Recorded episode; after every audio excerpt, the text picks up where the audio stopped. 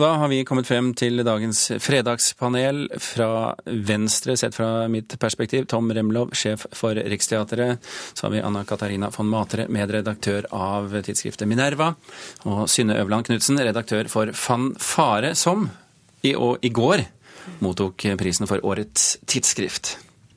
Velkommen alle sammen. Gratulerer, Knutsen.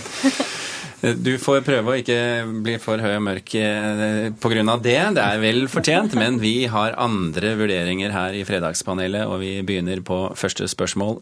Rikskonsertene har skiftet navn til Kulturtanken, eller Kulturtanken.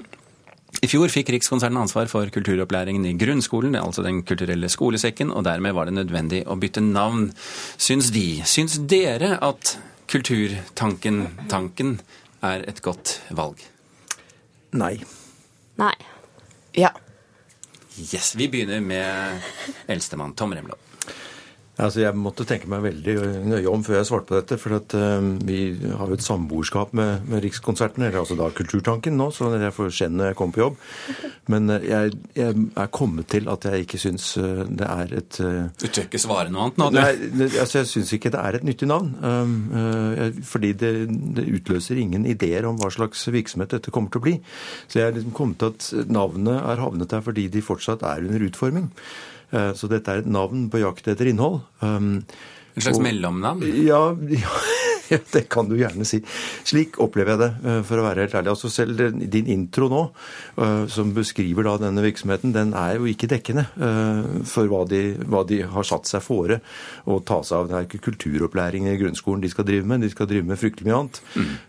Også, vel å merke. Ja, nettopp. Men jeg tror f.eks. at om de hadde tatt spranget og virkelig brukt ordet kunst i sitt navn, så ville vi vært kommet langt. Knudsen? Kunsttanken, er det det du argumenterer for? Jeg, jeg syns det med tanken i seg selv er, er, dessverre besværlig. Altså Jeg skjønner at de har havnet der, men jeg tror det er en sånn navneprosess hvor man havner på et slags multiplum som nærmer seg det minste. Ja, altså Jeg satt her og vippa litt, og så kom det to nei. Og så merka jeg at eh, jeg fikk skikkelig lyst til å være sånn estetikeren kun, som eh, tok en dom eh, basert på estetisk, eller en estetisk vurdering. da. Og eh, Kulturtanken syns at det er Altså, det kunne vært mye verre. Statlige institusjoner, ikke kjent for de mest sexy navna i verden, liksom. Eh, så eh, Riksteatret er jo kjempefint. ja, men, men, så, men så, så, så, begynte jeg å tenke litt sånn Ja, hva, hva annet kunne de hett da, hvis de først skal bytte navn og sånt? For det, da må man jo gå dit, skulle man bytte navn også.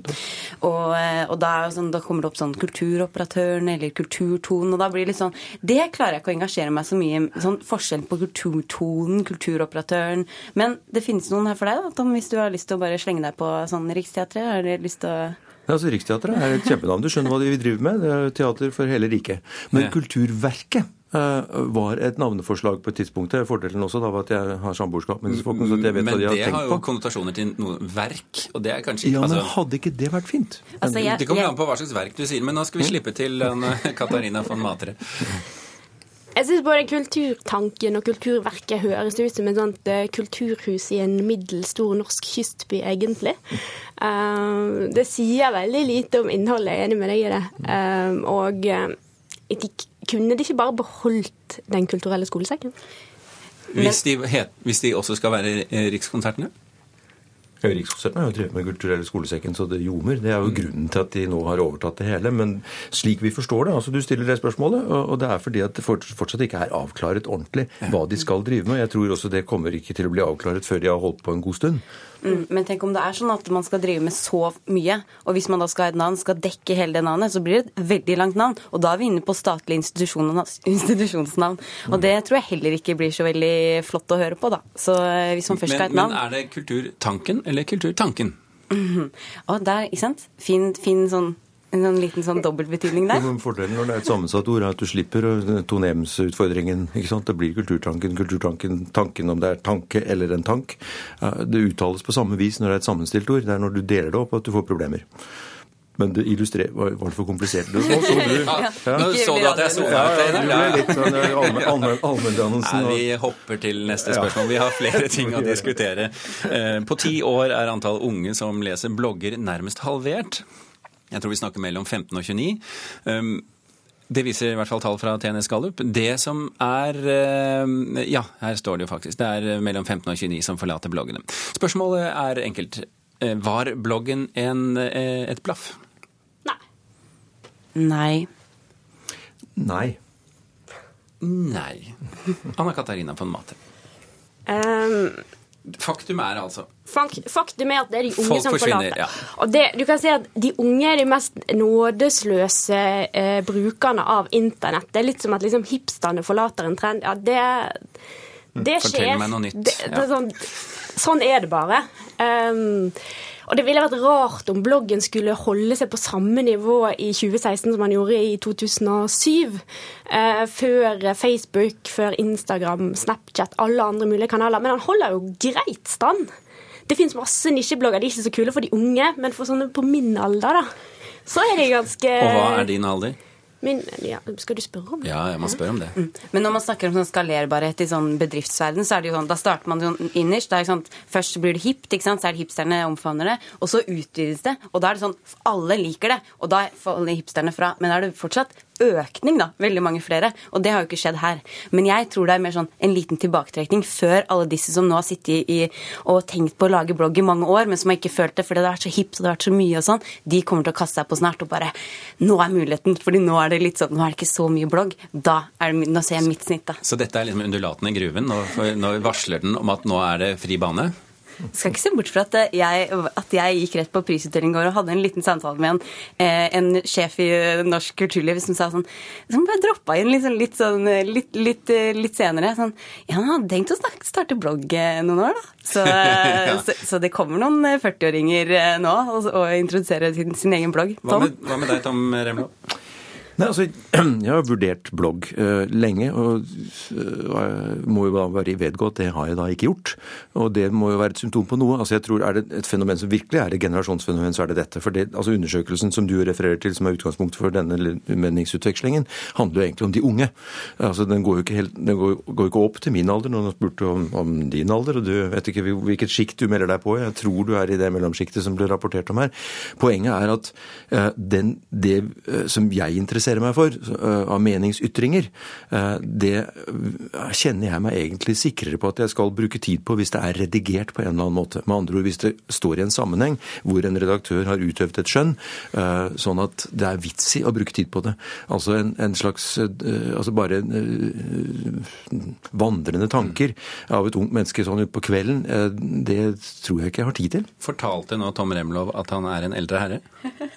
Er selvfølgelig. Absolutt. Et saklig innspill her på slutten er jo hvor streng man, i definisjonen man skal være av ordet blogg. da. Fordi det finnes jo fortsatt veldig mye personlig logging der ute.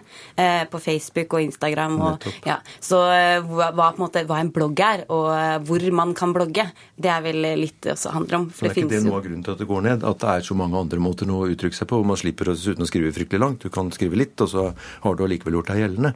Men, men finnes det ikke altså et eh, ut, utall av blogger skrevet av kompetente mennesker på spesifikke fagfelt?